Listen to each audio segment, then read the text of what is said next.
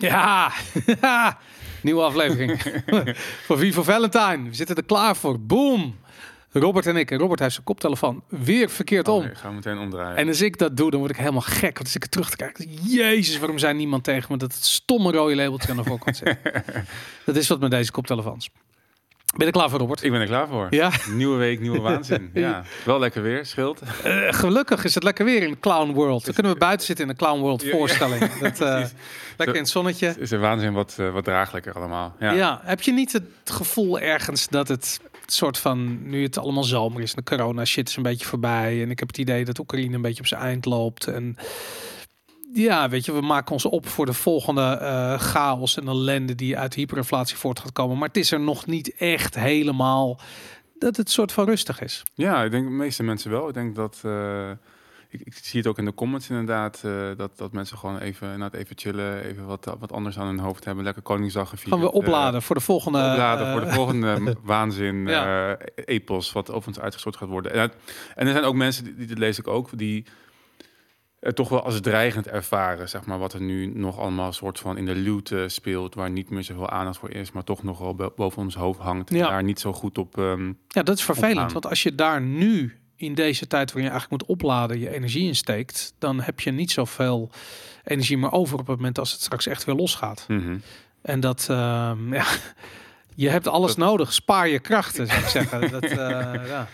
Zeker, ja. ja, ik denk, ja. En ik denk ook dat het, nou goed, we het vaak over gehad. De, weet je, als je, als je de um, lijn van de media blijft volgen en, en dan, dan maak je je elke dag wel druk om iets, weet je. Dan, dan maak je druk om de current thing, weet je. Dat Ja, ja. veel mensen doen. Elke keer is er weer een nieuwe current thing waar je boos op moet worden en weer druk om moet maken. En ja, de current thing is meestal iets vanuit zeg maar de mainstream waar wij ons dan wat minder druk op maken. Maar dit is ook wat ik in het begin van de hele Oekraïne debakel zei van ja, het voelt toch alsof mijn aandacht en energie weer ergens naartoe wordt gezogen waar ik het niet aan wil besteden. Zeg maar. Ja. Weet je, ik heb het besteed liever aan aan mezelf en mijn omgeving en, en, en aan het bouwen van goede dingen. Dus ik hou heel graag in de gaten wat allemaal gaande is in de wereld eh, en daar een, een, een- een, een kritische, authentieke blik op geven. Maar het is, eh, nou goed, wat, wat natuurlijk vorige week over, zeg maar, die persoonlijke reis is denk ik, eh, gezien ook de reacties op vorige week, volgens Ja, mij, dat was alles, wat, dat staat voorop, zeg maar, Ja. zou voorop moeten staan voor iedereen.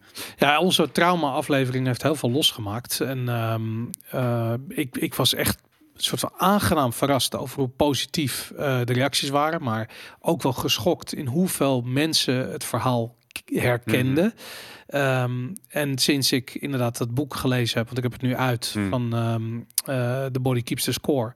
Ehm, ik zie letterlijk overal om me heen door trauma gedreven gedrag. Mhm. Waar ik dat vroeger, ja, ik had er niet echt oog voor. Ik bedoel, je, je weet het wel een beetje, maar je let er niet op. En nu zie ik het echt letterlijk overal.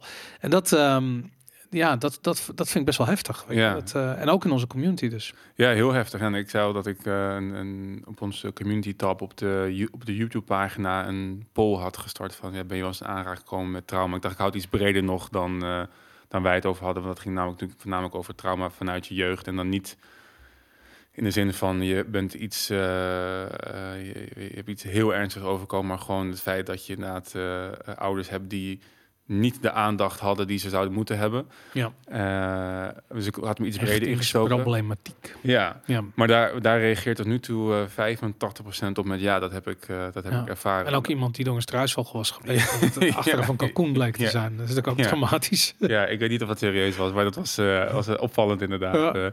Eh, eh, dus dat, dat, ja, dat, en dat is natuurlijk ook wat, dat, wat Bessel van der Kolk zei. Het is de ongeziene economie. En het is interessant, één, omdat het gewoon je belangrijkste aandachtspunten moeten zijn in het leven, maar ook politiek gezien gebeurt daar heel veel. En wat Bessel schrijft, en ook, eh, het is wel grappig, want hij is dus voor mij echt heel erg anticapitalistisch. Ja. Net zoals eh, Robert Lustig, dat boek wat ik hier voor aan het lezen was. Terwijl Ja. hun, hun, hun kijk op de problematiek onwijs scherp vind. En, eh, en zover ik dat kan zien, ja, ook steun of, of begrijp en, en denk dat het klopt.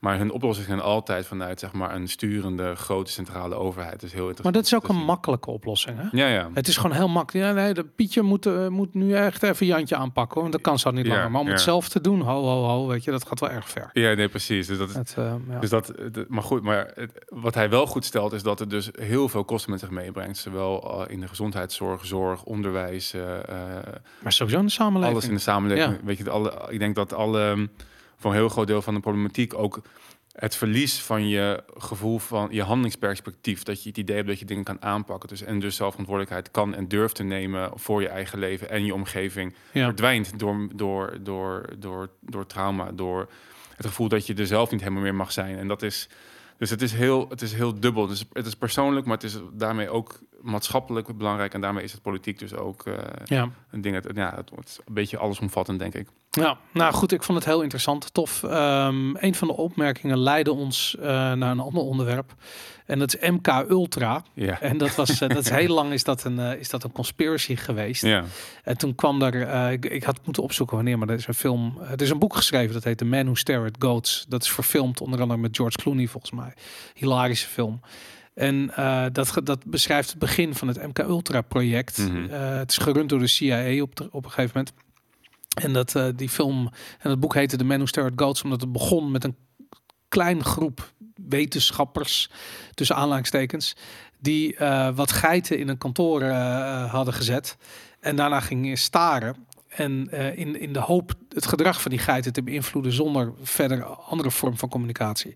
Dus soort van met mind control. Dat is ook waar de MK voor staat. En ehm, eh, die, ehm, eh, een van die geiten die krijgt tijdens zo'n sessie, terwijl een van die wetenschappers daar mm, zit te doen, krijgt die geit krijgt dus een hartaanval of een hartstilstand. En dat, ehm, eh, dat is dus het, dat, dat, daardoor werd het hele project gebombardeerd tot een groot succes. En ehm, eh, eh, ja, is daar heel erg veel geld naartoe gevloeid. Eh, en kreeg het CIA dus eigenlijk ruim baan om te gaan experimenteren met LSD en met trauma en met ja, manieren die toen heel erg nieuw waren, want dat gebeurde daarvoor niet, om mensen en grote groepen mensen te beïnvloeden. En dat is echt wel degelijk heel interessant wat eruit voort is gekomen. Mhm. Ja, en het is boeiend, want iemand reageerde tijdens zo'n première van ja, alles wat er nu gebeurt met eh, corona en zeg maar de, de, de druk eh, is ook bedoeld om een soort van trauma te, eh, teweeg te brengen in de samenleving om die kneedbaarder te maken voor whatever agenda zeg maar daar dan achter zit. En Mhm. ik weet uiteraard niet of het waar is, maar ik, ik vond het interessant om inderdaad de, het brugje naar MK Ultra te maken, omdat MK Ultra is nou voor mij iets wat ik al wat ik al eh, heel lang ken, maar ik denk Ja. niet dat iedereen dat kent. Het was dus inderdaad een programma wat van begin jaren 50 tot begin jaren 70 eh, liep. Een geheim programma. Eh, ik, ik, dacht dat MK stond voor de afdeling waar het vandaan kwam binnen de CIA. En ultra was destijds in de Tweede Wereldoorlog zeg maar de term die werd gegeven aan top secret, gewoon ult- ultra geheim zeg maar. Ah, oké, oké. Oh, misschien. En- ja, dat is Maar, maar goed, ik, ik, weet niet, ik weet niet precies hoe het zit. Maar de, het interessante is dat het heel lang eh inderdaad als conspiracy we- werd weggezet. En uiteindelijk dus eh, onthuld werd dat het gewoon, eh, dat het gewoon eh, echt een operatie was. Waar in 25 jaar tijd zo'n 25 miljard naartoe is gegaan. Vind ik echt onwijs veel geld. Ik denk van, ja, je hebt, je hebt vast niet... Want het ding is, dus, het werd dus bekend door, een, door de commissie Rockefeller. Dat was een congreslid, die ging daar onderzoek naar doen. En Seymour Hirsch, Seymour Hirsch geloof ik, heet hij, die Ja. New York Times journalist Ja. die ook over Watergate had, eh, had eh, bericht. Die heeft dat eh, zeg maar aan de grote klok gehangen, waardoor mensen gingen kijken van, oh, de Amerikaanse overheid heeft gewoon in honderd experimenten in zowel in heel de wereld, voornamelijk ook in Amerika en Canada, bij vrijwilligers, maar ook bij onwetende burgers experimenten gedaan met LSD en inderdaad eh, wat, ze noemen psychic driving, Ja. om te kijken of mind control een ding is. En dat zijn ze begonnen omdat er eh, prisoners of war vanuit Korea terugkwamen, die in, in één keer pro-communistisch waren. Helemaal anti-Amerika, helemaal pro-communistisch. En ze dachten, ja, dit, dit moet mind control zijn. Ze zijn op een bepaalde manier gewoon beïnvloed, waardoor zij nu eh, ja, onze ideologie aan het ondermijnen zijn. Daar waren ze heel erg bang voor. Ja. En daar zijn ze zelf toen onderzoek naar gaan doen. En ik denk, de grap is, ik heb een boek van, van Robert Cialdini, Influence, gelezen, dat daar, daar gebeurde wel heel, hele sterke overtuig, zeg maar, eh, ehm, principes werden daar toegepast, maar het Ja. is niet, denk ik, iets raars als mind control. Dat, dat, dat, Het kan ook zijn dat je zo getraumatiseerd en gedesillusioneerd uit een oorlog terugkeert. Dat je zoiets hebt van fuck dit en fuck het systeem. En wat doe ik hier eigenlijk eh, op een berg in, in, in Korea? Ehm, terwijl ik ben opgegroeid ergens in een klein dorpje in het zuidwesten van Amerika. Ik wil dat, dat, dat, dat is natuurlijk het, het, het wakker wordt proces wat heel veel Amerikanen hebben meegemaakt in Vietnam ook. Mhm. En eh, ehm, ja, ik denk dat de Tweede Wereldoorlog was wat meer zwart-wit. Was heel duidelijk een bad guy die, die verslagen moest worden. Dus daar had je niet echt heel veel ruimte om na te denken over de, eh, over de politieke achtergrond ervan.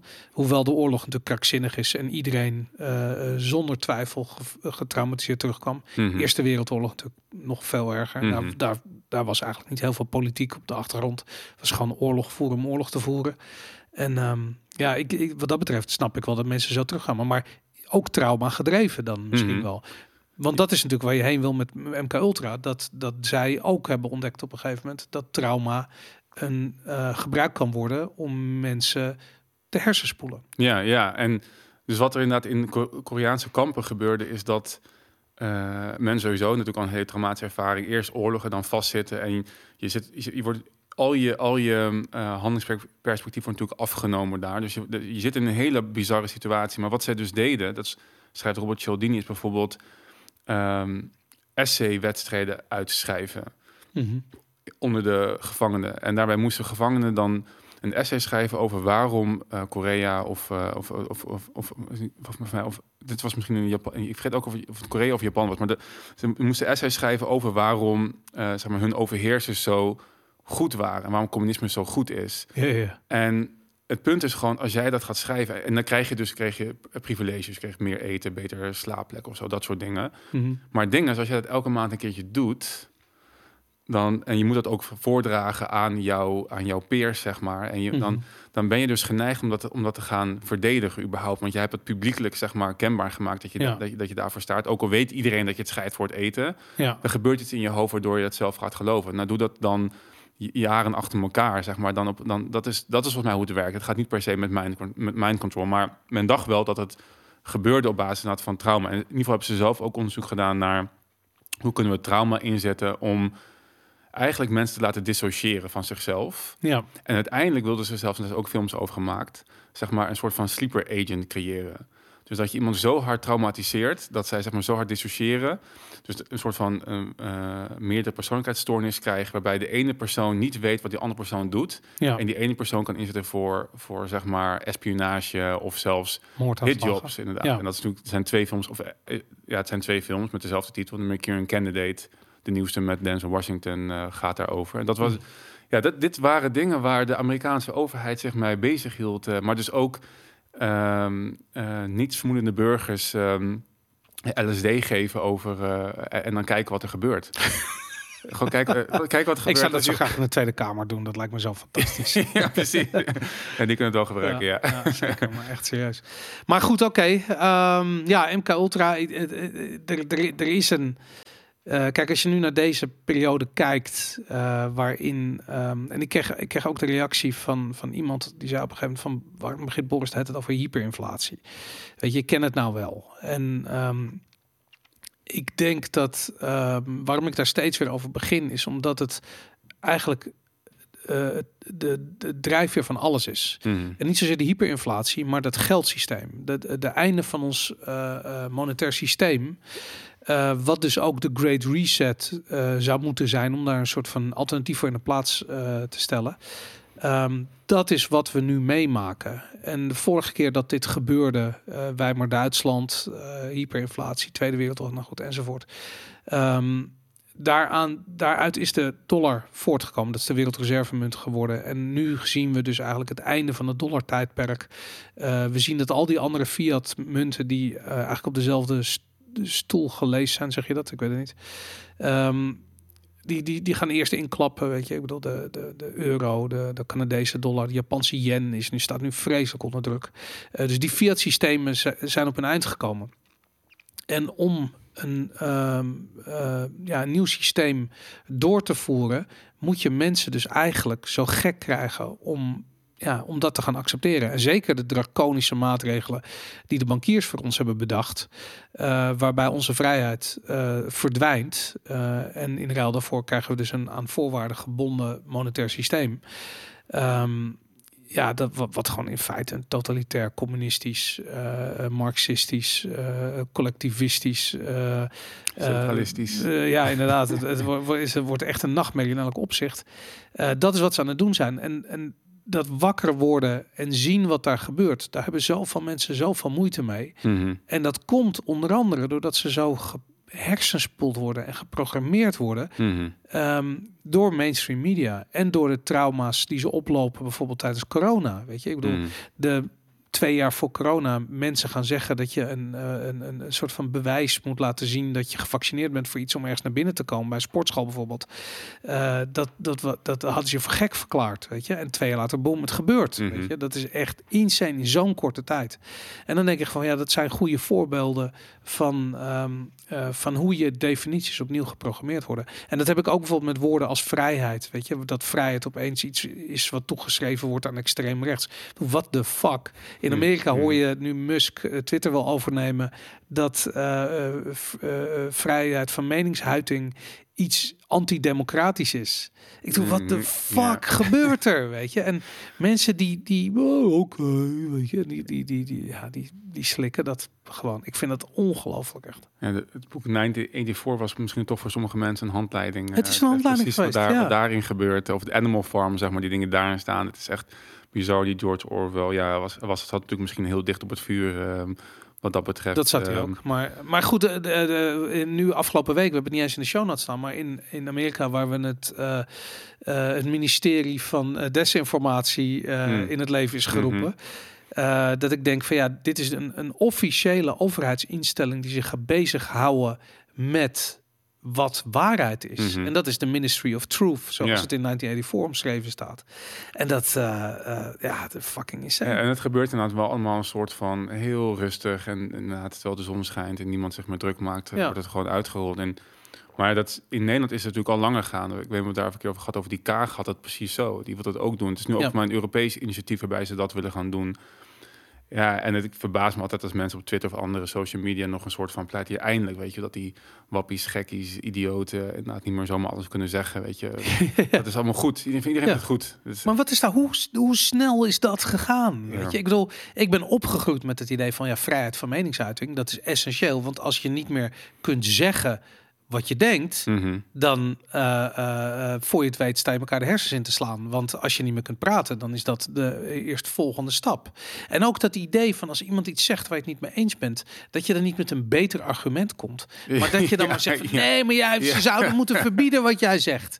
Dat is heel raar. En, en heel veel mensen denken inderdaad dat dat ook is. Dat het baart me grote zorgen hoe, uh, hoe dat soort waarden opeens poef en het is weg. Ja, ik denk dat mensen ook niet beseffen wat het effect op je weer op je psyche hiervan is. Dus als jij niet meer durft te zeggen wat je denkt, dan ga je het op een gegeven moment ook niet meer denken, namelijk. Dus dan Ja. krijg je ook geen nieuwe, creatieve, innovatieve oplossingen voor problemen waar we al langer tegenaan lopen. En dat, ja, het is echt, het ondermijnt echt de menselijkheid. En Ja. ja, goed, dat is natuurlijk een beetje de basis wat we hier altijd bespreken van die first principle discussies van waarom zijn bepaalde rechten belangrijk. En dit is er één van, want je verliest gewoon je menselijkheid. Vrijheid is zo inherent menselijk en het vrij kunnen denken is zo gekoppeld aan vrij kunnen spreken dat je dat ten alle tijden gewoon moet, moet waarborgen. Ook als je het er niet mee eens bent, inderdaad. En Precies dat. dat, dat beseffen mensen zich echt nog veel te weinig. Ja, absoluut. Even kijken. Ik had een fantastische lijst met dingen. Vaccinaties, schade en mondkapjes onzin. We gaan gewoon nog heel eventjes terug uh, uh, in de tijd. Ik merk wel, ik merk het heel raar, maar soms heb ik inderdaad een soort van, van heimwee of zo. Of ik denk... Of, Heimwee naar de, naar de, ja, naar de dat praten over die onzin. Zeg maar. Oh ja? Het was gewoon zo lekker helder onzin. Het is zo zwart-wit allemaal, ja? Ja, is gewoon makkelijk en, en dat doen we niet meer. Dus ik dacht van, nou, nog heel veel terug naar... Want er, ko- er komen nog steeds onderzoeken uit die periode. En ja. die staven vaak dingen die wij ook zeggen... misschien is wel gewoon een hele grote van... zie je wel, ik had gelijk uh, Ja. momentje nu. Uh, het gaat dus over... Um, nou ja, goed, dat, dat, ze koppelen toch heel vaak zowel aan vaccinatie als aan corona zelf. Maar dat er dus steeds... Uh, terwijl ik denk van, volgens mij zit het gewoon aan die, aan die vaccinatie vast. En dus je ziet dat er steeds meer schade... Um, hoe zeg je dat wordt gekoppeld en wordt erkend dat die vaccinaties met zich meebrengen. Maar het is, ik bedoel, wat iedereen, wat elke Wappie al riep, eh, geen enkele medische behandeling is zonder risico. Mhm. En ehm, we zagen gewoon, ik, ik bedoel, dat is ook het hele verhaal natuurlijk met al die atleten en sporters die in elkaar klapten, hartaanvallen kregen. eh, ehm, en, en dat daar niks van gezegd mag worden. Mhm. Bizar, weet je. Mhm. Als je er wat van zegt, word je van Twitter afgetrapt. Mhm. Ongelooflijk. Terwijl het overduidelijk is dat er iets heel raars aan de hand is. En, eh, nou ja, goed. Nu komen de eerste onderzoeken die ook daadwerkelijk aantonen dat er iets raars aan de hand is. En ik, ik eerlijk gezegd, ik vind het nog steeds eh, eh, best schokkend wat hier uitkomt. En al, misschien is het ook nog maar het topje van de ijsberg, je weet het niet. Ehm, de na, het nadruk bij dit soort eh, onderzoeken ligt heel erg in die jonge doelgroep. Weet je, 16 tot 19 eh, tot 39 jaar zie je bijvoorbeeld voorbij komen. Ehm, maar de hoeveelheid, ehm, ehm, de hoeveelheid problemen die optreden. Hier is in dit onderzoek zie je 25% van de respondenten hadden problemen na hun vaccinatie. Mhm. 25%. En ik heb het idee dat er heel erg veel eh, in de doofpot is gestopt. Er is ook heel erg veel niet doorgedrongen. Gewoon omdat huisartsen niet meewerken of andere artsen niet meewerken. Of Ehm, er aan meegewerkt hebben en daardoor zich schuldig voelen. Ja, die, hebben, die zijn gewoon voelen, ge- ge- geïnvesteerd in het Mhm. narratief. En dat, eh, ja, dat is heftig inderdaad. En dat, ehm, ja, wat dat betreft heb ik zoiets van, ja, de, de, de- dit is het topje van de ijsberg. Er gaat nog veel meer loskomen.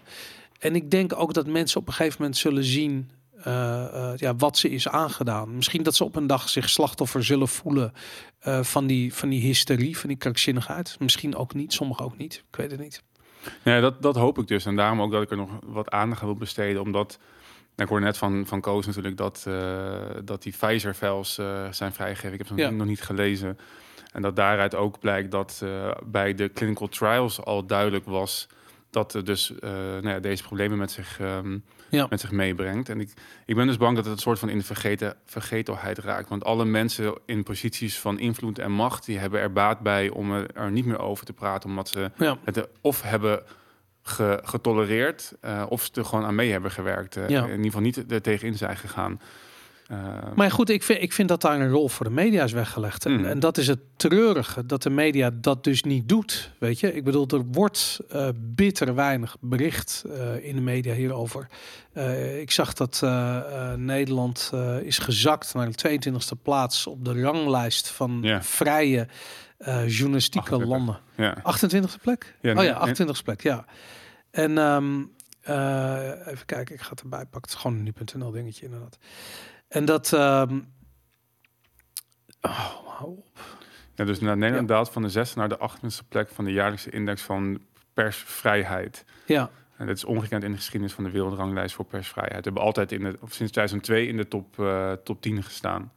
ja, maar ik vind wel daarbij... ehm, kijk, de reden waarom Nederland zo laag staat... is dat ze zeggen bijvoorbeeld van... ja, er is geweld tegen journalisten. Mhm. Ja, eh, eh, weet je, ik bedoel, sorry, er is gewel- wat zij zien is dat er bij een of andere, eh, weet ik veel, protestmars dan een journalist wordt bedreigd.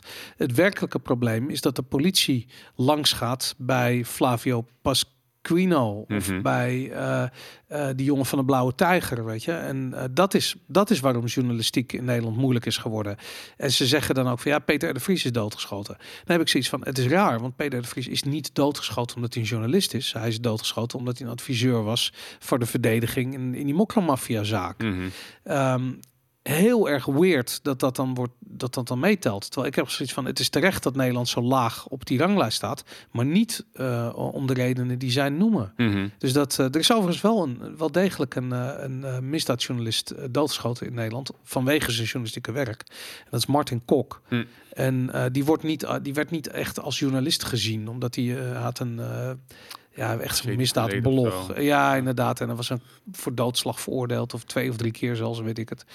Maar, eh, maar goed, dus hij werd niet helemaal serieus genomen. Maar dat was wel echt een heel goed voorbeeld van een journalist die om zijn journalistieke werk eh, eh, vermoord is. Ehm, ja, ik, ik, ik vind dat Nederland terecht zo laag staat. Uh, maar dat is met name de politie die bij je aan de deur komt. En uh, wat zag ik later weer? Dat iemand gedwongen werd om zijn Telegram groep te verwijderen. Ja. Mm. Uh, dat soort intimidatie. Sorry, maar dat is precies wat is het? Het is intimidatie van journalisten. Ja, ja, ik vind, ja helemaal eens. Ik vind het grappig, want ik heb dit erop gezet. Maar nou goed, zoals we vaak... We bespreken die dingen niet voor. Maar we, nee. bespreken wel de onderwerpen. En dit was inderdaad ook de reden dat ik het, dat ik het opzette. Omdat ik dacht van interessant. Het was trending op Twitter. En iedereen vond, sprak schande inderdaad van ja. de persvrijheid die hier taande is. En, maar ik zag inderdaad nergens de, wat, wat jij schetst, dat verhaal van de druk vanuit de overheid. Ehm, of de, de samenwerking van big tech met de overheid, waardoor, waardoor inderdaad censuur wordt, uh, ja, je wordt, wordt toegepast. Geshadowband, van Twitter gegooid, ja. van Facebook, van LinkedIn. We hebben Maurice van der Bos, weet je, de, de, de CEO van uh, OVG. OVG, mhm. inderdaad. Ja, dat heet, hoe heet dat? Nou? Maar goed, whatever. Mensen lieve vrouwen gast. Ja, maar daar, ze, ze, hebben er nog eentje. Maar goed, anyways, hij was van LinkedIn afgegooid door Microsoft. En um, ja, weet je, dat ik gewoon denk, maar vooral met name de intimidatie vanuit de overheid. Ja. De, de lijsten die worden bijgehouden, weet je, dat, dat rare uh, antiterrorisme onderzoeksteam wat in Den Haag zit, die uh, um, ja, mensen op Twitter en social media gaat, uh, gaat lopen analyseren. Wat de fuck, man. Sodemiet erop met die mensen. Wat is dit? Ja, en dat is dus inderdaad dat Free Press Unlimited, die, die dus die ranglijst opstelt, die, die en ik ging dus kijken van waar baseer je dan die persvrijheid op? En ja. het politieke aspect is dus wel een van de zeg maar vijf pijlers die ze dan meten. Maar in Nederland was, dus, was de politieke uh, persvrijheid dus goed gewaarborgd zijn. Dus, dus, het is allemaal niet goed gewaarborgd. Kijk, Marian Wagerman, die met name genoemd werd in een van die WOP-verzoeken. Uh, dat ik denk van ja, weet je, zij, is, uh, zij heeft fantastisch journalistiek werk gedaan gedurende de hele coronatijd. Doet ze nog steeds. Mm -hmm. ze heeft een podcast, ze zit op Twitter. ze is gewoon iemand met veel invloed en veel volgers en weet mm -hmm. ik mhm. het. Zij wordt met naam en toenaam genoemd in zo'n WOP-verzoek als voorbeeld van iemand die dus de mond gesnoerd moet worden. Mm -hmm. Sorry, maar dat is, dat, dat is, dat is, dat is China-praktijken zijn. Dat zijn echt, in Rusland verwacht je dat. Dit zijn echt totalitaire uh, situaties die dus gewoon in Nederland plaatsvinden. Het is bizar. Ja, het is echt bizar. En het is ook maar de grap is dus dat is dus een de Free Press Unlimited is een van de woke organisatie die zich echt niet met de juiste dingen bezighoudt. Dus ik vind het interessant dat we dus een orgaan hebben dat de persvrijheid controleert, maar dat dus niet goed controleert. En dus met allemaal ja. dwarsgenen zeggen. Wat jij stelt mij was dat de volgende het volgende bericht in dat ging in ieder geval over over de de uh, over die openbaarmaking van die WOP-verzoeken, inderdaad. En dat, dat zegt dat uh, Maas, dat, dat uh, advocatenkantoor, stopt ja. met zijn, uh, um, zijn aanklachten, zeg maar, zijn zaken die hij tegen de, tegen de staat heeft aangespannen. Uh, maar hij stopt er zelf. Want Bart Maas is uh, eigenlijk al vanaf het begin af aan bezig met uh, als een soort Nederlandse Robert Vulmich is hij yeah. bezig om zaken tegen de staat aan te spannen. Procederen tegen de staat en tegen de coronamaatregelen, dus inderdaad die hij um, ja, als, als, als ongrondwettelijk en onrechtmatig ziet. Maar hij stopt er dus mee. Uh, mede omdat hij zegt dat uh, van deze overheid ga je niet winnen. De overheid heeft enorme machtsmiddelen zoals de NCTV en MIVD tegen de eigen bevolking ingezet. Met als doel hun vrijheden te beperken. Als dat het niveau is waar we mee moeten dealen, dan houdt het voor mij op. Ja, maar en, uh, het bizar is, ik ken een, een, een jurist, een advocaat.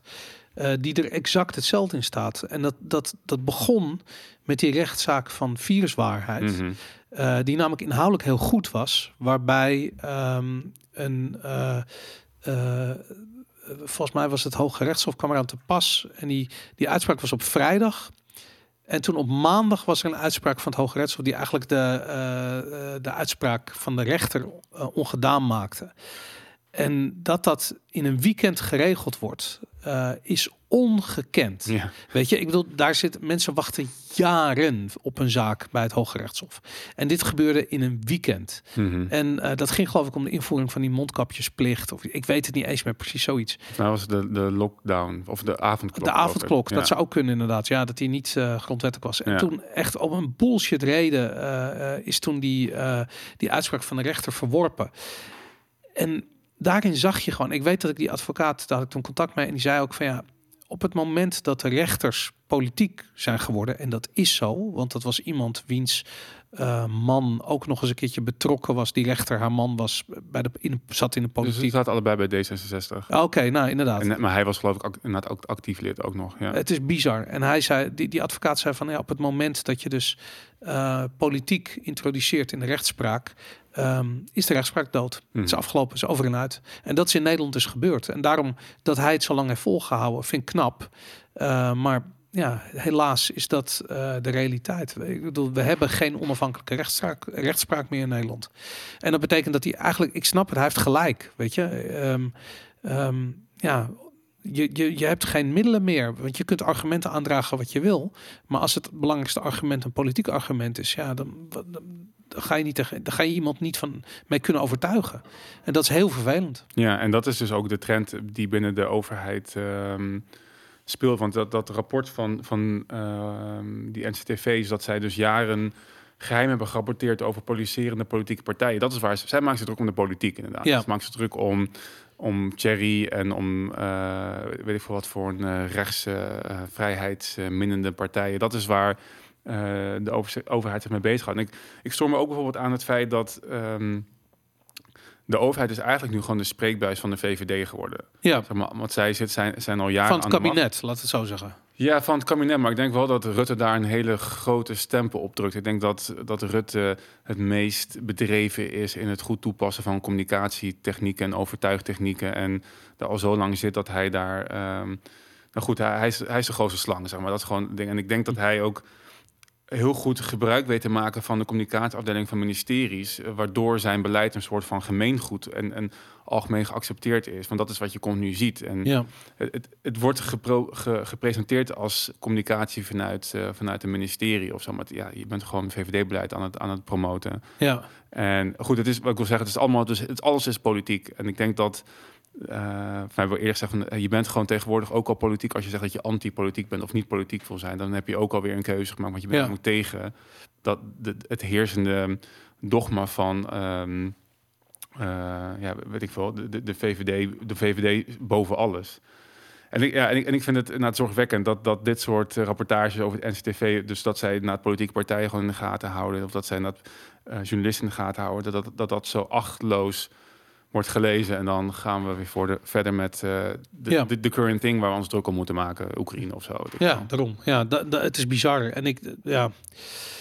Nou ja, goed. Ik denk vanuit die ehm, verbazing dat we ook deze podcast maken. ehm, ja, ook om mensen eh, proberen te laten zien dat vrijheid het belangrijkste is. En Mhm. het is ironisch, weet je, want het is vandaag. Weet je, het is 5 mei. Mhm. Ik bedoel, dit is de dag waarop vrijheid gevierd moet worden. Dit is de dag waarop Nederland vrij was van, eh, eh, van Duitsland. Mhm. En ehm, afgelopen weekend hebben we een. eh, eh, hoe heet het? Is er een, een, een, een bijeenkomst geweest in Straatsburg van de European Council, volgens mij heet het. Ehm, en daarin zijn eh, maar liefst 300 voorstellen langsgekomen en allemaal goedgekeurd. En bij die voorstellen ehm, zaten de meest bizarre. ehm, ehm, eh, ja, ik, ik, moet zeggen, ik ben nog altijd aan het wennen aan, het, eh, aan, aan, aan dingen te laten zien en, en, en te praten. Ik moet even vragen wat mensen daarvan vinden. Ja, we, we, we- dit is nieuw dat we deze dat we screenshots laten zien. En dat leidt me echt ontzettend af. En ik kan er niet echt goed aan wennen dat we dit doen. Maar goed, aan de andere kant is het ook wel tof. Omdat mensen ook zeiden van, ja, waar halen jullie dan die informatie vandaan? Weet je, dat, dat kreeg ik heel vaak te Ja. horen. Dus denk ik van, ja, misschien is het goed om gewoon screenshots te laten zien van Ja. de artikelen en de websites die we checken en dat soort dingen. Dus goed, eh, in ieder geval dit, eh, de EU, deze EU-conferentie ehm, had dus als doel om de EU machtiger te maken. Dat is eh, gelukt. Want eh, de conclusies waren eh, onder andere dat ehm, eh, er een, een, een, ja, een Europees leger komt. Uh, dat, was, dat is natuurlijk een van de belangrijkste punten. Nou, daarbij werd bij de start van de EU werd echt bij hoog en bij laag gezworen dat er nooit een Europees leger zou komen. Mhm. Nou, wat het grote probleem is daarvan, iedereen zegt, "Ja, is toch handig, want als de Russen komen, weet ik veel. Nee, het is niet handig. Want zoals je in Nederland ook al ziet, worden, wordt de, de eh, defensie ingezet tegen de burgers. Ehm, wat je zo meteen gaat krijgen, is een Europese eh, defensietak met opsporingsbevoegdheden. en dan staat er een Duits, eh, Duitse recherche, eh, Europese recherche-eenheid voor je deur. Die klopt aan en die roept uh, bieden. En die wil even weten wat jij op Twitter hebt gezegd. Weet je? En zo moet je er echt naar kijken. Die Europese, dat Europese leger. Eh, waarom is dat zo belangrijk? Omdat de Europese eh, Commissie, de, de, de EU op dit ogenblik, eigenlijk geen slagkracht heeft. Die slagkracht komt bij de individuele eh, eh, overheid vandaan, weet je, bij de, van, de, van de individuele landen. Maar we hebben al gezien, en dat is een hardnekkig gerucht, wat volgens mij bevestigd is, maar ik weet het niet helemaal. Maar bij de ehm coronademonstraties in Amsterdam onder andere, dat de politie zo hard optrad, en ook in Den Haag overigens, eh, bleek dat een aantal van die agenten, van die ME'ers, dat waren geen Nederlanders. Dat waren eenheden uit, uit Polen en uit, ja, uit het Oostblok Mhm. die hebben niks met, eh, eh, met Amsterdammers en Hagenezen. Weet je, wat kan hun Nederlanders schelen? Sla ze allemaal in elkaar. En die, dat is een tactiek die je bijvoorbeeld ook ziet in China. Weet je, het is op het moment dat Hm. het. ehm, daar protesten de kop in worden gedrukt, dan gebruiken ze geen lokale agenten voor. Want die moeten straks weer, eh, eh, ja, die moeten weer over straat, die moeten weer een politiewerk doen, weet je. Net als in Hongkong, daar zie je ook van, dat kwamen eh ME'ers en ordentroepen, die kwamen vanuit China daar naartoe, die toch al een hekel hadden aan die Hongkongers die Mhm. zo vrij waren, weet je. Nou, dat ga je, dat zie je hier ook. En dat is wat je gaat krijgen op het moment dat de EU een, een, een, een leger krijgt. Het, het, het voegt niks toe aan de slagkracht van de EU naar buiten toe, maar wel naar binnen toe. Mhm. Uh, want op dat ogenblik kun je gewoon de Europese ordentroepen inzetten in Parijs, in uh, uh, Den Haag, in Amsterdam. Ja, en dat is, want volgens mij is dat ook dus gebeurd tijdens de protesten van de gele hesjes in, uh, in Frankrijk. Ja. Ik heb dat toen ook gelezen, dat, dat men zei op uh, van aanwezigen bij die demonstraties dat ze mensen zagen die dus, of, uh, die dus niet Frans spraken. En ze dachten ja. ook aan, aan uniforms te zien dat die mensen dus uit inderdaad het Oostblok of ergens anders van, vandaan kwamen. En dat het interessant is, want dit, dit is ook wel weer zeg maar, zo'n beweging van uh, centralisatie en daarmee uh, dehumanisatie en depersonalisatie, waardoor je dingen kan doen die je niet kan doen als een politieagent of je uh, volksvertegenwoordiger gewoon bij jou in, in de buurt woont. Ja. En goed, dat ons, ons streven is natuurlijk decentralisatie en niet centralisatie. En dit is een van de. Ja. Ik denk dat dit wel een, een heel belangrijk punt is wat je aange, aangeeft van op het moment dat de mensen niet uit jouw buurt komen en geen binding met jou hebben, dan zijn ze eerder geneigd om om jou harder te, te behandelen of gewoon je, de, de, kop in te slaan. Ja.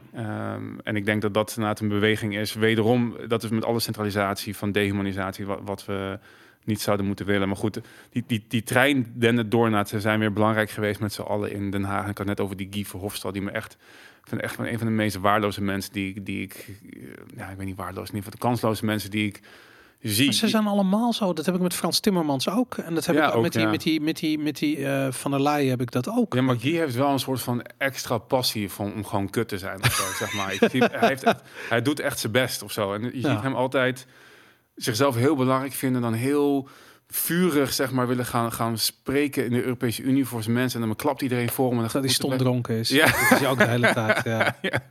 Dan voelt zich weer helemaal goed en dan kan hij Ja, maar weer- dat is ook dat, dat. Het spijt me voor onze Belgische luisteraars, maar dat kijk, België is een land wat echt, ik bedoel, die hebben echt het Calimero-syndroom. Weet je, Mm. zo van zij zijn groot en ik zijn en ik ben klein. Mm. Weet je, en dan, dan is het land ook nog eens in tweeën gedeeld. Dus de ene helft die kijkt naar Frankrijk en dan hebben ze daar een Calimero-syndroom, en de andere kijkt naar Nederland en dan, ja, het is ook groter en het is ook, die zijn ook allemaal kut. En dat, dat weet je, en dan heb je opeens, en dan ben je hele leven binnen gefrustreerd door, en dan kun je eindelijk in de politiek kun je in Europa kun je baas gaan spelen, weet je, over Mhm. al die Europeanen. Ja, dan ga je dat ook doen ook, weet je. En daarom heb ik precies van, daarom doen die Belgen het allemaal zo goed daar in Europa. en dat het zijn allemaal van die miskende Ehm, ik heb dat net als met het onderwijs, waar je altijd mensen uit de praktijk hebt die nooit echt geslaagd zijn, die gaan er maar les geven. Die gaan dan kinderen uitleggen hoe het, hoe het moet, terwijl het ze zelf nooit gelukt is. Weet je, en dat, dat, dat heb je hier ook. Weet je, het zijn altijd een beetje mislukte lokale politici die dan in Europa opeens een soort succes vinden. Maar ja, goed, dat wel zolang ze in een in de totalitaire maatschappij uh, investeren. Ik, ik, ik, hoorde, ik hoorde reacties al van leraren hier. Uh, ja.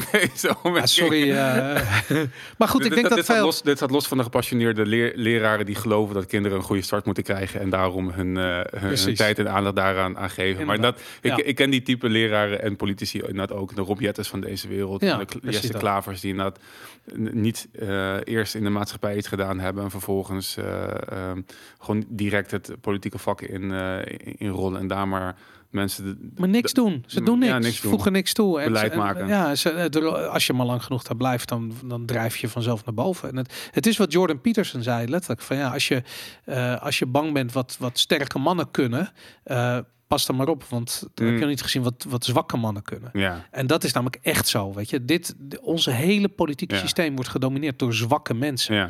En die, uh, um, die hebben de neiging om het systeem te bouwen wat ze kunnen gebruiken om toch sterk te zijn. Omdat ze individueel zo slap zijn. Ja, waar ze zelf lekker veilig zijn. Ik weet niet of we daar ooit over gehad hebben, maar dit doen we ook denken meteen aan die hele feministische beweging die tegen toxic masculinity is. Ja. Maar volgens mij waar zij tegen zijn, zijn dit soort mannen inderdaad. Die macht misbruiken omdat ze zelf te zwak zijn om gewoon te staan waar ze voor staan. Ja. En uh, weet je, een, een, een, een, een hoe zeggen ze dat dan, zeg maar, een, een real masculinity. Dat zijn mannen die inderdaad, uh, weet je, die onderdrukken niet, die misbruiken niet. Want die, die staan gewoon sterk in hun, in hun eigen ja. schoen en hun kracht. En die, ja. daar heb je wat aan. En die, ja. en die beschermen zichzelf en, en, hun omgeving. Uh, uh, dus dit is inderdaad volgens mij dat, datgene wat, waar feministen zich hun hun kwaadheid op zouden moeten botvieren, is nou die, die zwakke masculinity, de, de ja. Guy Verhofstadt van deze wereld, die ja, niks, ja. niks hebben klaargespeeld. Al die D66'ers zijn, het is allemaal weg. Die, hoe heet die GroenLinks mafketel? Jesse Klaver, ja. Het is met, met zijn trainingspak. Het is allemaal hetzelfde.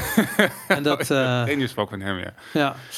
Ja, nee, dat, uh, het, is een, uh, uh, het is een treurige situatie wat er in Europa... Oh ja, wat ze ook nog hebben besproken is dat er een einde gaat komen aan nationale veto's. Dus wat je hmm. nu hebt, dat voorstellen vanuit de EU kunnen worden gevetood door individuele landen. daar moet natuurlijk een eind aan komen. Want hoe kan de EU het machtigste orgaan zijn als individuele landen dat kunnen overrulen? Nou ja, goed, ik, wat ik eerlijk gezegd denk, um, is dat hoe meer, hoe krankzinniger deze situatie wordt hoe groter de kans is dat er een keer uh, dat er meer landen gaan wegbreken. Mm weet je, wat je in Hongarije eigenlijk al ziet gekomen, wat in Polen overigens ook volledig aan de hand was, waar je sinds Oekraïne niks meer over hoort. Je hoort nu wel van ja, uh, Orban, Orban, Orban, weet je, dat is allemaal Hongarije, dat zijn die zijn allemaal extreem rechts en ze willen niet meer in de EU en weet ik veel. Uh, in Polen was hetzelfde aan de hand, maar omdat Polen zo'n strategische rol speelt in die in die oorlog in uh, in Oekraïne. Hoor je niks meer over wat er in Polen gebeurt. Hmm. Het is echt een soort van doodse stilte. Terwijl ook in Polen uh, waaide een hele sterke anti-EU-wind. Hmm. En nog steeds, denk ik. Ja, overal denk ik wel. Maar je hoort inderdaad niks meer over. En dit was niet alleen in Polen, maar volgens mij ook wel in Spanje en in Italië. Ik weet ook niet meer hoe het... zelf ook niet meer gevolgd hoe het nu staat met die... Uh, die twee partijen die eigenlijk heel erg anti-EU zijn en daar de, gro de, de, de grootste partij zijn of waren in ieder geval. Ja. Um, ja, het is lastig, want het is natuurlijk ook het systeem van de EU is zo ingesteld dat het heel lastig is om los te breken. De, kijk, Polen die heeft ook heel veel baat bij een lidmaatschap van de EU. In ieder geval, dat, dat is hoeveel mensen dat zien. Ja. Het werk dat ze doen in uh, buiten over de grenzen. Ze krijgen net al meer geld dan ze betalen. Ja, precies. Dat is natuurlijk een hele sterke incentive om, uh, om, om daar te blijven. Uh, die incentives hebben wij niet. We zijn altijd al netto betaler geweest. Ja uh, financieel gezien, maar uh, helemaal um, over het algemeen gezien.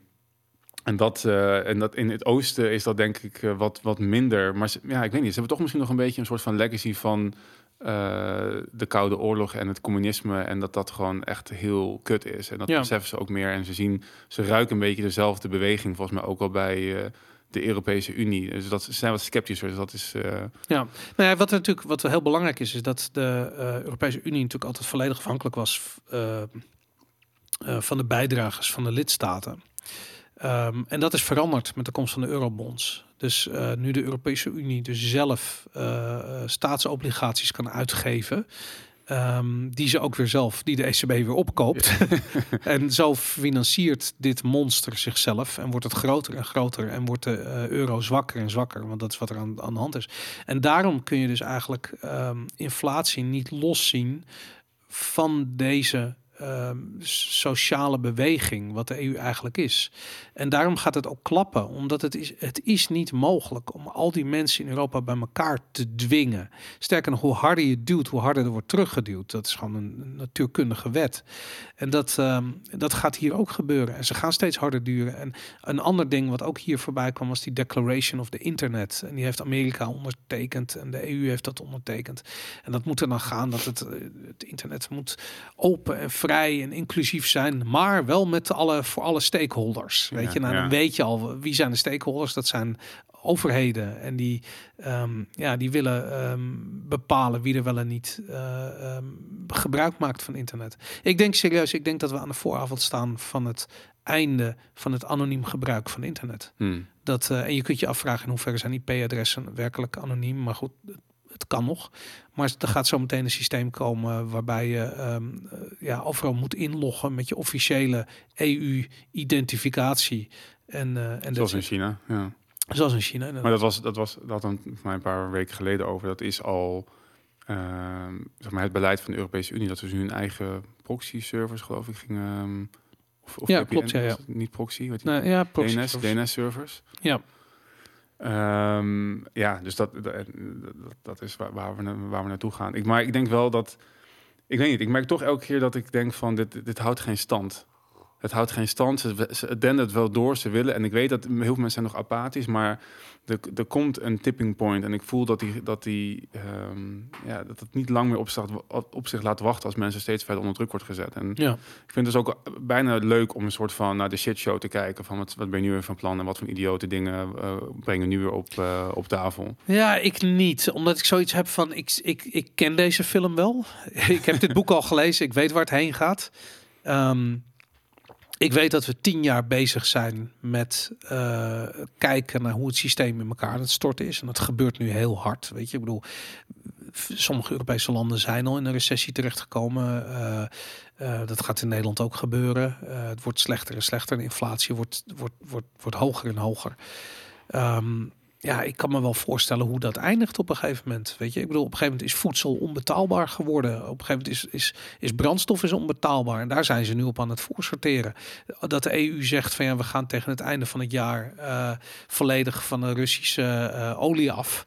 Uh, in eerste instantie ook gas, hè? Dat zeiden ze. Dat heeft, dat heeft Angela van der Leyen nog een keertje, of Ursula, van der Leyen nog een keertje benadrukt. Ze gewoon een lekkere um, villainy, villainy name, zo'n zo'n naam. Ursula. Ursula. ja, dat is de... de kleine zeemermin. Die heks, die heks. ja, inderdaad, die deed ook Ursula, ja. Maar goed, dat hebben ze allemaal, weet je. Ze zijn allemaal soort van uit een bond film weggelopen. En dat, uh, weet je, dat al helemaal die Klaus Schwab natuurlijk. maar daarna zeggen ze ook gewoon wat hun agenda is. Dus dat is ook, dat is makkelijk. Dus je kunt er gewoon naar kijken. Het is hmm. alleen dat niemand interesseert het ene fuck. Want dat is natuurlijk ook met Europa, weet je. Ik bedoel, het is ook ver van mijn bed show. Wat moeten die mensen in Brussel? Die zijn allemaal gek geworden. Niemand neemt dat echt heel serieus. Totdat op een gegeven moment hier inderdaad EU-troepen uh, eh, door de straten uh, aan het controleren zijn wie er zijn internet anoniem gebruikt. Uh, maar denk je dat het over bijvoorbeeld die inflatie en ehm, denk je dat het zover gaat komen dat eten en, en grondstoffen onbetaalbaar gaan worden? Denk je dat politieke partijen en de, de heersers, zeg maar, de woede van de menigte over zich af gaan roepen door dat zo ver, ver te laten komen. Ja, dat is onvermijdelijk. Dat is ook de reden waarom we nu die totalitaire maatregelen uitgerold zien worden, omdat ze weten dat dat gaat gebeuren. Dus dat monetair systeem valt om en dat, dat is altijd grote sociale onrust. De zonder uitzondering door de, door de geschiedenis heen. En uh, elke 80, 90 jaar gebeurt dat. Weet je, dan eindigt weer zo'n zo'n wereldreserve munt of een of andere monopolie op iets. Dat, dat eindigt dan. En dan, dan krijg je revolutie. Dat zijn tijden van revoluties. En ja, ik denk dat ze dat weten. Ik denk dat ze daarop voor sorteren. En dat dat um, ook de reden is waarom we nu allemaal dit soort krankzinnige dingen als ja, een EU-leger en een, nationale veto's die niet meer tellen. En ja, de overheid is zich aan het terugtrekken in een soort bastion in Brussel. Ehm, en we hebben straks, en, Rutte zegt het zelf, weet je, ik bedoel, de, de, de, als hij in Brussel zit, dan is het pas echt belangrijk. En wat hier in Nederland gebeurt, doet er niet meer toe. Dat, ja, in zekere zin is dat, dat is het toekomstbeeld wat die mensen hebben. Ik zag laatst Flavio bij, ehm, van Blackbox bij eh, de publieke omroep. Volgens mij bij, uh, hoe heet die gozer ook weer, uh, Filemon. Oké. Okay. Filemon en de complotten geloof ik. Oh jezus, ja ja. en ik vraag me af, hoeveel mensen denk je, want dat, die vertelt uiteraard een, een soort gelijk verhaal over een sociaal kredietsysteem. En, dat, en ik snap trouwens wel waarom mensen daar niet zo lekker om gaan. Want, want zeg maar, de, hij stelt dat alle coronamaatregelen, um, of nou hij koppelt het heel sterk aan van dit is allemaal gepland, zeg maar. En, en ik weet niet of dat zo sterk het geval is. Ik bedoel, Ja. en worden daar, ik ben nog steeds van, ik zit nog steeds op de lijn van men maakt heel goed misbruik van de situatie. En ik Ja. weet niet hoe ver er dingen eh, op die manier, zeg maar, in, in, in, in al, al voorbedachte raden zijn. ehm, eh, Sommige dingen zijn wel Uitgewerkt. gepland, hoor. Zijn wel degelijk gepland. Dus ik denk dat niet, dat corona per se gepland is. mhm. Maar wat er wel gepland... Kijk, toen in 2008, eh, de grote kredietcrisis... toen is er een, echt een, een, een weekend geweest. Er zijn een aantal documentaires over gemaakt. ehm, waarin de keuze moest worden gemaakt. Gaan ze de banken redden? Of gaan ze de boel in elkaar laten klappen? Mhm. En toen hebben ze gezegd, oké, we gaan de boel redden. Dus ze, zijn, ze hebben de geldpers aangezet en ze hebben alles en iedereen uitgekocht. En, eh, en overeind gehouden. Mhm. Ehm, wetende dat dat leidt tot zware inflatie. Want monetaire expansie leidt gewoon tot eh, monetaire inflatie. Op dat ogenblik hebben ze gezegd, oké, we gaan dit doen. Maar ze hebben eh, tegen de banken gezegd, en de centrale bankiers, jullie gaan een oplossing voor dit probleem verzinnen. Want we moeten, eh, eh, we kunnen niet verder gaan met geld. Dat kan niet eeuwig doorgaan. En toen hebben ze een plan bedacht. En toen hebben ze gezegd, nou, over tien jaar of in tien jaar tijd ehm, eh, gaan we het anders aanpakken. En dan gaan we het huidige systeem vervangen met iets anders. Dus dan duwen we het huidige systeem omver. En dan komt er iets nieuws. Nou, dat is de Central Bank Digital Currency. Ehm, en daarin gaan we volledig de controle houden eh, over de geldvoorraad en de omloopsnelheid van het geld. Want dat is heel erg belangrijk. Eh, weet je, als er heel veel geld is, maar het zit allemaal vast bijvoorbeeld in de onroerend dan heb je niet eh, heel veel last van die inflatie, want dat geld zit allemaal vast. Maar als die euro honderd keer wordt uitgegeven, ja, dan gaat die economie harder en harder en harder. En dan, dan ga je zien dat als er meer geld bij komt, dat het ook direct in die, in die reële economie terecht komt. Dus daar hebben ze een systeem voor bedacht. En dat heeft dus alles te maken met totale controle op dat geldsysteem. Maar denk je dat de, de totale controle die zeg maar, op ons persoonlijke levens daar ook van de get-go zeg maar, Bijvangst. Ze hebben gewoon Ja, dat- maar dat bedoel ik. Ja. Maar, en, dat, en dat is dus precies het verschil tussen wat veel mensen zeg maar, in, in, in de alternatieve hoek zeggen van dat, dat het met voorbedachte raden is. Maar ja, maar niet alles. Zeg maar. Er zijn denk ik, er worden bepaalde lijnen uitgezet waar, waar uiteindelijk blijkt van, oh ja, maar dit werkt niet als je dat niet op deze manier zo ook doet. Wat ook wat Arno zegt over die Europese droom zonder de juiste Europese instituties daarnaar naast Ja. te hebben, dat, dat werkt niet. Dus, en ze proberen nu volgens mij vanuit ja, een, een, een- het redden van, van de wereld zoals zij die goed achter, zeg maar, dan een beetje recht te breien. En dat, nou, wat ik wilde zeggen is van, ik, ik, ik, ik snap zeg maar, dat veel mensen daar een weerstand bij voelen van, ja, dit is allemaal op een bepaalde manier al ingezet en bedoeld.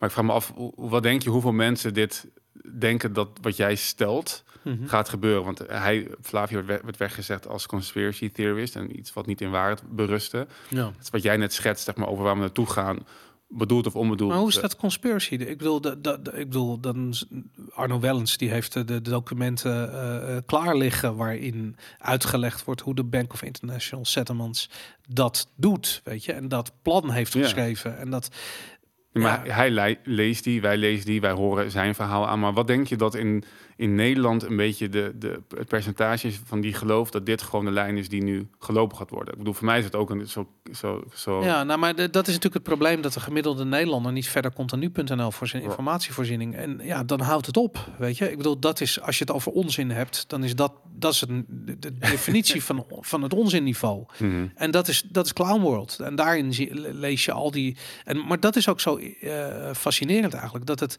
dat het, omdat het al, eigenlijk alleen maar om macht en om geld gaat. Of eigenlijk eerst om geld en dan om macht. Dus de mensen die macht hebben, willen die niet kwijtraken. En de mensen die eh, de macht hebben, zijn ook de mensen die dicht bij de geldcreatie zitten. En die willen die positie niet kwijt. En omdat te zorgen dat tijdens zo'n zo'n zo'n reset, zo'n nieuw, zo'n nieuw systeem, dat je dat niet kwijtraakt. Daar heb je echt totale controle nodig. En dat je dat vervolgens terug gaat zien in, weet ik veel, in het onderwijs, in de gezondheidszorg, in, in vervoer, transport, in voedselvoorziening. Overal komt die mentaliteit terug. Dus dat wordt overal doorgevoerd. Alsof het de normaalste zaak van de wereld is. En dat is ook wat ik zo bizar vind. Want ik, ik ken bijvoorbeeld mensen die werken voor Defensie uh, of voor de politie. En als we het over dit soort onderwerpen hebben, dan uh, stellen ze zich geen vraag over waarom het zo is dat vroeger Nederland een land was wat uh, vrijheid hoog in het vaandel had staan en dat ze nu letterlijk aan het werken zijn om dat af te breken. Die mensen ook met wie ik praat. En dan, dan heb je zoiets van ja, maar Nee, dit is gewoon, weet je, we hebben altijd gewerkt voor Den Haag. Weet je, dit is altijd hoe het gegaan is. Mhm. Nee, dit is niet hoe het altijd gegaan is. En dat dat, dat gewoon het muntje niet valt, ja, dat, dat heeft gewoon te maken met dat ze het niet lezen in de kranten en niet zien op televisie. En ik dacht echt serieus dat we al lang veel verder zouden zijn in alternatieve informatievoorziening. En, het, en door corona heb ik gezien van nee, het valt echt tegen. Mhm. weet je, het merendeel van de mensen heeft echt zit nog heel erg vast in het kijken naar die kutte, kutte talkshows. en, die, en die bullshit, nu.nl onzin. En dat, dat, dat echt, en het stopt niet. Het is zelfs groter dan, het is gewoon weer groter geworden. Ja, ja en daar vind ik het ook interessant om soms nog even ja, wat ik zeg dus naar, naar, voor ons is het allemaal een gesneden koek dat dit aan gaat komen en dat het, dat het zo werkt. En Flavio is geen conspiracy theorist, maar ik vond het wel interessant om te zien, omdat ik, ik dacht te zien waar ze op afhaakte, zeg maar. Zeg maar. En dat is die misschien ook wel een soort van stelligheid en zekerheid. Dat zag ik bij Lange Frans ook al heel lang. Die was heel stellig en heel zeker over dingen die hij zei. Terwijl ik, ik probeer hier ook heel vaak gewoon mhm. een soort, nog, een soort, toch nog een soort van vraagtekens bij dingen te stellen. En, ja. maar, en ook op die manier het soort van open blik te houden. En ook omdat mensen daar zelf misschien nog vragen bij hebben van ja, laten we eens een keer opnieuw kijken naar wat hier nou precies gebeurt. En hoe zeker weten we wat er gebeurt. En... Nou, weet je waarom ik stellig en zeker ben hierover? Omdat dit is niet nieuw. Dit is al twintig jaar aan de gang. En ik ben daar al zeker sinds, sinds, sinds Willem Middelkoop zijn Big, de Big Reset boek heeft geschreven. Hmm. Uh, ben ik me gaan realiseren hoe dingen elkaar zitten. En volgens mij had hij eerst nog als de dollar valt. Was de eerste ja. geloof ik. En toen de Big Reset. Ja. En um, uh, eigenlijk door zijn boeken ben ik daarin uh, soort van wakker geworden en ben ik podcasts gaan luisteren en documentaires gaan kijken en weet ik veel. En dan op een gegeven moment zie je gewoon van hoe erg dit onderwerp al besproken is. Ik ben ook helemaal niet tegen het resetten van ons huidige monetair systeem. Want om heel eerlijk te zijn, het is kapot. Mhm. Weet je, ik wil, ja, sorry, als mijn auto kapot is, dan moet er toch echt een nieuwe komen. Weet je, mhm. en dat heb je hier ook. Dit is kapot over en uit. We zitten tot ons nek in de schulden. Dat is waarom Arno wel eens heel lang gezegd heeft: van, ja, we moeten eigenlijk de schulden kwijtschelden. Dan zou je met het systeem door. Maar het is, het is te veel. Het is veel te veel. Mhm. Je kunt dat niet kwijtschelden, weet je. En wie is er dan uh, al zijn geld kwijt? Dus het is logisch dat er iets nieuws komt. Het enige is, ik wil dat er iets nieuws komt, maar niet dit. Mhm. Niet een totalitair Chinees uh, staatsgedreven uh, monetaire gevangenis waar we in terechtkomen. Dat niet. Um, ik wil juist vrijheid van handel, open grenzen, uh, uh, vrijheid van meningsuiting. en voor mij vrijheid van informatievoorziening is ook vrijheid van financiële transacties. Dat is een vorm van informatie. Dat is hoe de markt informatie communiceert door prijzen te laten zien. En die prijzen worden bepaald door vraag en aanbod. Op het moment dat je dat gaat verstoren, en dat is wat zij denken te doen. Zij denken van wij gaan een totalitaire grip op dat monetair systeem. Uh, er is niet meer vraag en aanbod. Er is alleen maar wat wij bepalen hoe het werkt we hebben dat al honderdduizend keer gezien in de geschiedenis. Weet je, je weet dat prijsafspraak of prijscontrole dat gaat niet werken. Weet je, ik wil je kunt iemand een pistool op zijn hoofd zetten en zeggen van luister, die jij boer moet nu deze bloemkolen produceren en, en voor niet meer dan 1 euro per stuk.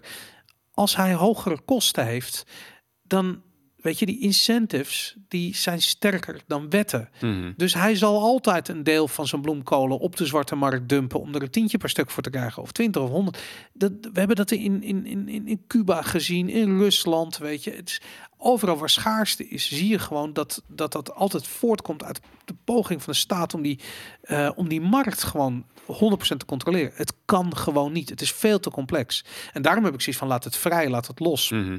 Zorg voor een harde geldstandaard. Zodat we niet uh, het slachtoffer zijn van al die eh, criminelen, want dat is het die zo dicht tegen die geldpers aan zitten. Want dat zijn de mensen die profiteren van geldcreatie. Want dat is waardoor assets duurder worden. Dus als je heel veel aandelen hebt of heel veel huizen, ja, die gaan allemaal meer waard worden op het moment dat je te maken hebt met inflatie. Dus dat zijn de mensen die profiteren. Mensen die niet een huis hebben en die niet aandelen Apple hebben, die profiteren als aller, aller, allerlaatste eh, van die prijs. En die hebben dus alleen maar te maken met hogere prijzen. Mhm. Dat effect, dat cantillon-effect, zoals dat heet, ehm, dat, ja, dat is eigenlijk dat is de basis van, van alle corruptie die we nu zien in Europa.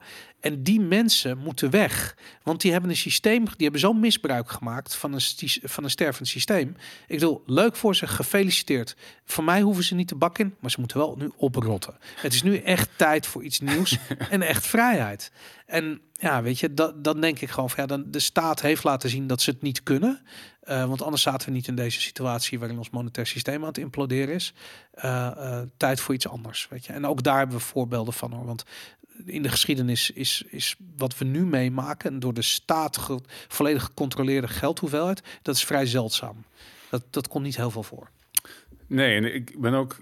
Ik, ik, ondersteun natuurlijk de economische en menselijke wetmatigheden die we in de wereld kennen, die de overheid eh, stelselmatig gewoon negeert. Ja, En als jij die blijft negeren, dan heeft het na bepaalde consequenties. Maar dan is nog steeds de vraag over wat, wat is bekend, wat, wat wordt uitgespeeld en wat is gewoon opportunisme, zeg maar. Daar, dat vind ik, blijf ik interessante vraagstukken vinden. En misschien is het ook niet helemaal relevant. Ja, het, ja misschien is het niet helemaal relevant, wou ik eh, zeg maar. Ik, ik- het komt gewoon omdat heel veel mensen. Ik, ik denk dat je meer mensen eh, eh, bereikt. Bijvoorbeeld, neem het onderwerp verkiezingen. Daar hebben we het een Ja. paar keer over gehad. En elke keer als we over verkiezingen hebben, dan lees ik ook in comments over.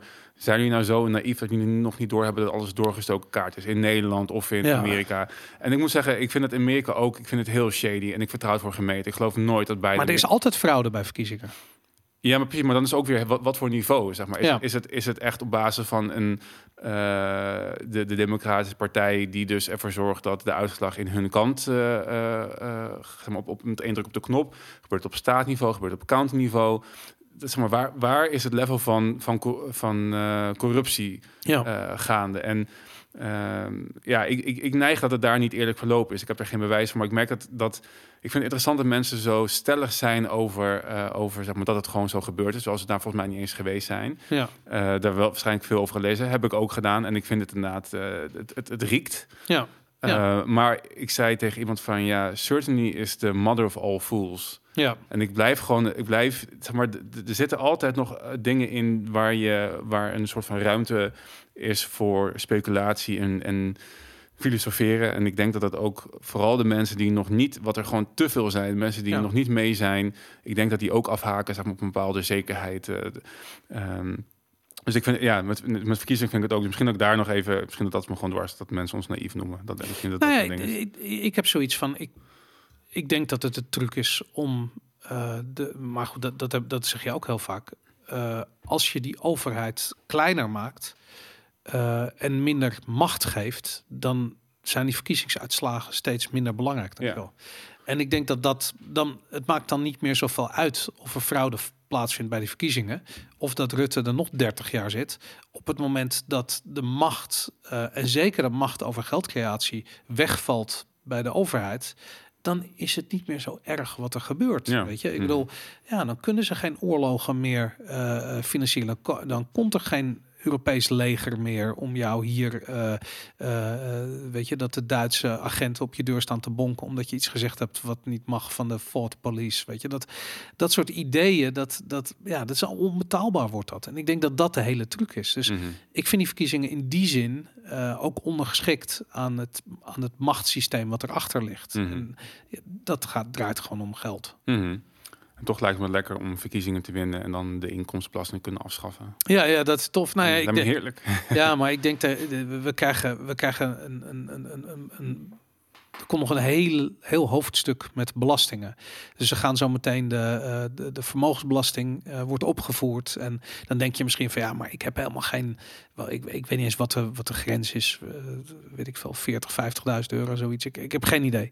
Maar mensen hebben zoiets van, ja, dat heb ik helemaal niet. Nou, ik kan je vertellen, dat is zometeen is dat een maandsalaris. Weet je, ik bedoel, als die inflatie nog heel even doorgaat, Mhm. eh, dan ga je dat soort. Ik bedoel, kijk maar naar Vene- Venezuela, Zimbabwe, eh, Libanon, eh, Turkije. Daar zie je dat allemaal. Die, er komt gewoon steeds meer geld in omloop. Dus mensen hebben ook meer geld. Het is alleen dat het geld wo- wordt minder waard. Ehm, en dat, ja, dus die vermogensbelasting wordt zometeen iets waar iedereen mee te maken heeft. En dat, dat, wordt, dat wordt lastig. Dat wordt een heel groot probleem.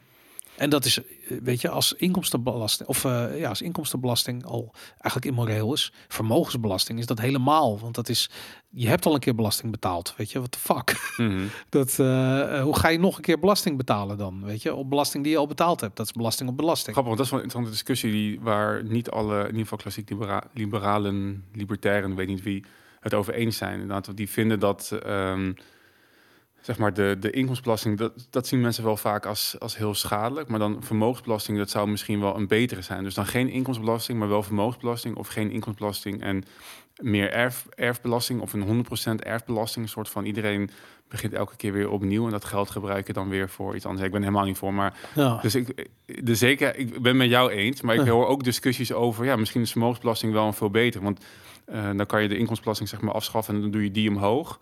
En dan kan iedereen in ieder geval geld verdienen en dat is dan belastingvrij. En dan eh, kan je alles betalen wat je moet betalen. Eh, misschien nog de BTW op groente, fruit en medicijnen afschaffen en zo. En dan ja, maar heb ik je een bedoel, beter systeem. Het, het probleem is dat het geld verkwanseld wordt. Weet je, het wordt, het wordt overgemaakt naar Zuid-Europa, waar mensen hun huis, eh, eh, weet, weet ik veel, gaan. Genderneutraal, ver. Ja, ge- genderneutrale st- studies in Pakistan, weet ik het. Eh, da- dat is het vervelende eraan, weet je. En daarom vind ik van belasting moet vrijwillig zijn. Eh, het is logisch dat je wil betalen voor een betere samenleving, maar niet voor genderneutrale studies in, in, in Oost-Pakistan. Mhm. Je, ik wil wat de fuck heeft dat te maken met eh, de, de Nederlandse middenstander die gewoon hard werkt. Weet je, dat is ja, Nee, nee, e- eens. Maar het is wel grappig. Nu gaan we weer bij de...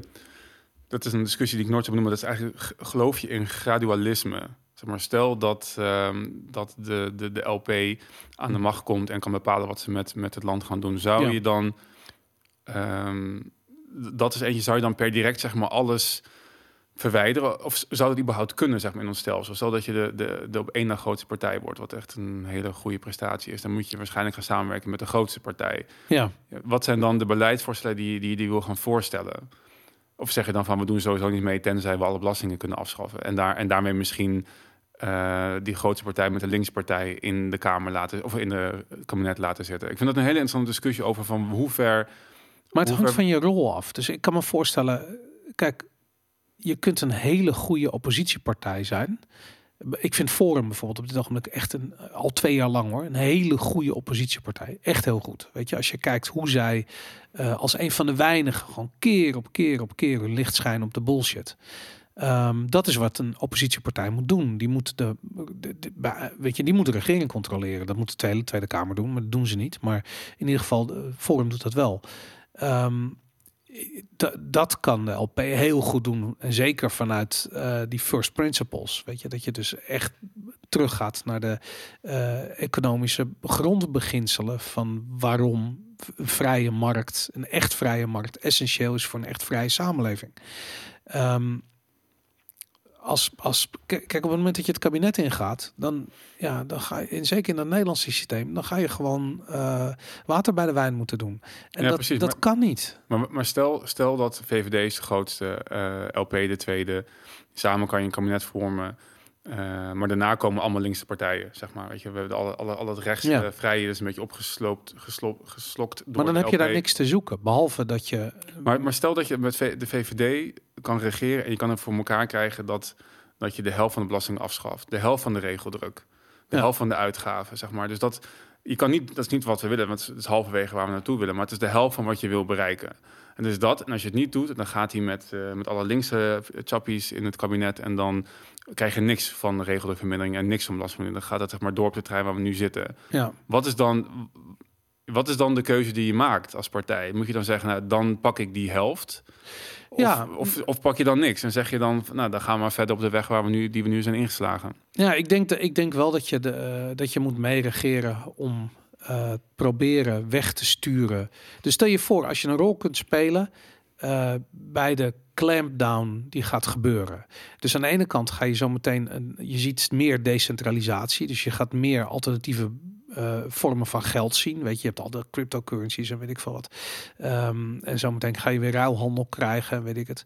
Um, dat gaat in tegen de belangen van een central bank digital currency. Dus dan zou een kabinet Rutte zou dan zeggen van nee, dat alle crypto wordt verboden en alle uh, ruilhandel wordt verboden. Niemand mag meer met een biefstuk over straat, weet ik wel. En als je dat soort shit kan tegengaan, doordat je in het dan dan kun je de pijn verzachten voor de mhm. bevolking. Dat is denk ik in zo'n crisissituatie belangrijk. Mhm. Maar je kunt nooit vanuit, je kunt nooit naar een, naar een echt vrije samenleving uh, toesturen op het moment dat je water bij de wijn moet doen over vrijheid. Er is namelijk niet zoiets als een beetje vrijheid. Je kunt niet een beetje vrijheid afnemen. Op het moment dat je een beetje afneemt, is alles weg. Want vrijheid is per definitie uh, uh, een, de afwezigheid van regels. Ja, het is een absolute mhm. hoeveelheid. En dat, um, ja, dat, dat is het probleem met concessies doen. Dat is ook het probleem met ons politiek systeem. Dat je, mhm. het, ja, we kunnen nooit iets anders dan dit. En dat is waarom ik denk van ja, de, de, de, um, een, een, een, een, een goede oppositiepartij zijn gebruikt uh, de Tweede Kamer, en dat is wat ik echt goed vind aan Forum, is dat ze de, de, hun Tweede Kamer uh, debatten gebruiken als platform om gewoon mensen te bereiken. Dus mhm. hun, weet je, als, als, als uh, een van die gasten weer losgaat daar en het staat vervolgens op YouTube en het heeft drie, vier, vijfhonderdduizend views, dan denk ik van ja, dat is de moeite waard. Weet je, dat is waar je publiek zit. Want in die Tweede Kamer zelf alleen maar de bielen, weet je, die gaan echt niet naar je luisteren. Nee, en dat is ook de hele, het hele um, eigen eten van debatteren. Dat leren ze ook als je naar het Nederlands Debat Instituut, Instituut gaat of naar de Batrix. Dat zijn twee van de grootste ja opleiders wat dat betreft eh, van Nederland. Die zeggen, ja, je debatteert voor het publiek, ja. niet voor je tegenstander. Dus ja. je gaat niet iemand overtuigen. Nee, en daarom zijn ook van die stomzinnige gesprekken de hele tijd. Want ze zijn gewoon aan het praten tegen hun eigen achterban... en hopen wat andere mensen daar, ja. daarin mee te krijgen. En ja, ik ben natuurlijk helemaal voor, dat is ook de hele, zeg maar, de hele idee van... als de LP de Kamer komt dan met een, met een aantal zetels... dat je dan dat gebruikt als platform om je boodschap te verkondigen. Ja. Maar ik vind het wel een interessant duivels dilemma... dat op het moment dat je zou moeten kiezen tussen doorgaan op de dezelfde weg of de helft van jouw idealen verwezenlijk krijgen in vier jaar tijd. Ja. Uh, dat is wel de basis. Maar ik geloof niet meedoen aan een kabinet waarbij je op één vlak dan ook zeg maar minder vrijheid zou zou um, zou Maar dat is toch per definitie wat die overheid. Dat is waarom libertariërs het slecht doen in de politiek. Nou ja, dat is dat. Ja, maar er zijn ook voorbeelden van van uh, bewegingen geweest. Uh, ik ben nu ik heb net ook best wel van de Kok uitgelezen. Dus ik ben nu dus het boek van Thomas Jefferson aan het lezen. Uh, dus een van de founding fathers van Amerika. En hoe hij uh, op is gegroeid en hoe hij dus een deel, onderdeel van de revolutie Volledig getraumatiseerd. Uh, ja, dat, ik, kijk dus ook naar boeken op die manier. Van hoe zijn relatie met zijn moeder was. En daar schreef hij ook iets over. Het ging ook niet helemaal lekker of zo. Um, dat is wel heel interessant. Maar, die, maar wat hij... Um, hij, hij is ook, hij noemen hem een idealist en pragmaticus. En hij heeft dus ook heel erg gekeken, hoe kan ik ervoor zorgen dat ik een zo vrij mogelijke wereld um, ga creëren. Het, het Amerika, wat nou ja, volgens velen zeg maar, het, het, het, meest vrije um, land ooit is geweest uh, in de ja. geschiedenis van de wereld. Weet je, het grootste um, experiment in, van staatskundigheid uh, wat we gekend hebben. En dat is mijn inziens heel goed gelukt. Maar hij moest daar dus wel bepaalde keuzes van maken. En dat is ook de reden dat, uh, dat iemand mij het boek aanraadde. Omdat die discussie die wij nu hebben, heb ik ook met hem gehad. Van ja, hoe doe je dat dan? Zeg maar, je bent idealistisch en je wil dingen bereiken. En ik ben heel erg...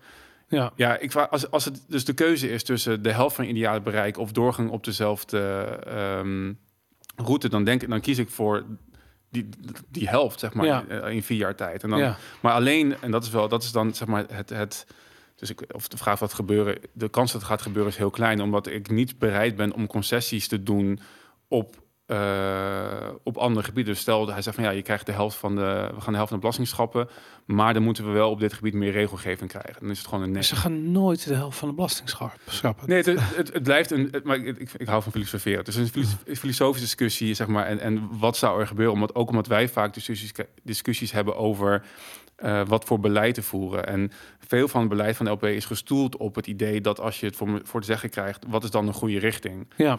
Ehm, en de kans dat het gebeurt inderdaad, eh, dat we mee kunnen regeren als tweede partij is gewoon heel klein. Kijk naar de PVV. Ja. Want we zijn gewoon zo radicaal anders dan andere partijen. Dus dat, die kans is nihil. Ja. Maar als we die kans krijgen en we kunnen de helft van ons, eh, zeg maar, van ons idealen eh, bewerkstelligen en er gaat niks slechter worden, ja, dan zeg ik daar ja tegen. ja. De kans daarop is nihil, dus misschien is het een... een Nee, de kans, maar de kans is nooit niet heel. Het is altijd, het is altijd groter dan nul. Ik, ik, denk- ik denk echt serieus dat, het, dat de, de winst hem er heel erg in zit. Dat mensen, eh, dat mensen leren waarom vrijheid zo essentieel is.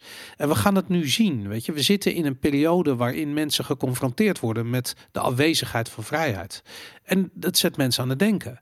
En ik denk dat dat denkproces proberen te begeleiden en te voorzien van alle ehm, kennis die er eigenlijk al is opgedaan, weet je, in de afgelopen paar honderd jaar, weet je. En, en heel veel van die kennis zit in het libertarisch gedachtegoed. Mhm. En dan denk ik van, want dat betekent letterlijk vrijheid. Liber, liber- libertas is vrijheid, weet Mhm. je. Dat is waar het vandaan komt. Mhm.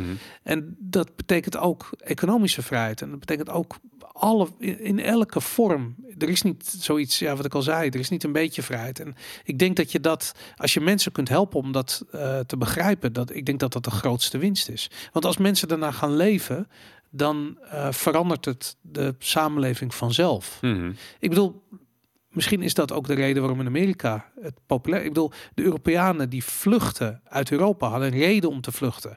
Die hadden geen zin meer in de Engelse of de Franse eh, eh, kroon die hun eh, uitknijpt en hun vrijheid ontneemt. En dat daarom die hele vrijheidsdrang in Amerika zo groot was. Mhm. Terwijl we dat als Europeanen niet begrepen, omdat we op dat ogenblik hier in de jaren 80, 90 gewoon een soort piek vrijheid hadden. En nu wordt dat weer minder. En heb je zoiets van, ja, misschien zit er toch wel wat in, weet je. Ik bedoel, waar vluchten ze eigenlijk toen voor? Mhm. En dat, eh, nou, dat gaat nu weer duidelijk worden. Nee, ik- en misschien moet ik ook verduidelijken. Ik denk niet dat de kans eh niet heel is dat de LP eh, groot wordt. Ehm, ik denk dat dat, dat, dat zeker in, in, in de lijn der verwachting ligt gezien wat er nu allemaal gebeurt. En dat we veel mensen kunnen bereiken en wakker maken en het belang van absolute vrijheid kunnen, kunnen meegeven. Toen meer dat ik denk dat het nieuw is dat wij en groot worden en met een van de zittende partijen nu een kabinet gaan vormen Ja. om, eh, en onze idealen voor elkaar kunnen krijgen. Ja. Dus, maar dat is, dan niet, dat, is, dat is inderdaad niet ehm, nodig als je heel sterk oppositie kan voeren. Ja. Hey, ehm, wij hebben iets nieuws. Eh, ik dacht eigenlijk, ik moet het niet zeggen nog, omdat we het nog een beetje moeten uitproberen. Maar goed, waarom gaan we niet ook gewoon onze hele community erbij betrekken? Eh, de website vivovalentine.com. Ehm, we hebben eh, eigenlijk een soort premium model.